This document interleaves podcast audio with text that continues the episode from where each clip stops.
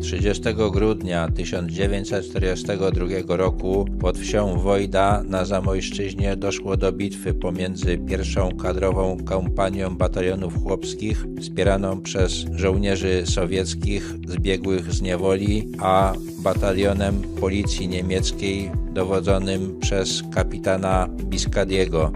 Pierwszą kadrową kompanię batalionów chłopskich kazał sformować komendant główny tej organizacji, generał Franciszek Kamiński, w związku z trwającymi wysiedleniami zamojskich wsi. Oddział ten miał za zadanie przeciwstawić się tym wysiedleniom oraz innym niemieckim represjom.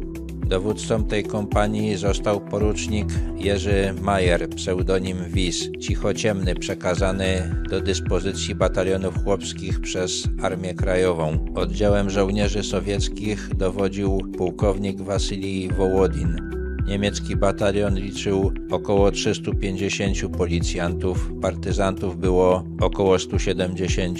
Walka trwała od rana do wieczora. Niemcy wpadli pod Wojdą w zasadzkę i stracili około 20 zabitych i 30 rannych. Partyzanci 8 zabitych i kilku rannych. Wycofali się dopiero kiedy Niemcy zaczęli ich okrążać. Po bitwie Niemcy spalili wieś i zamordowali 11 mieszkańców, którzy jeszcze w niej pozostali.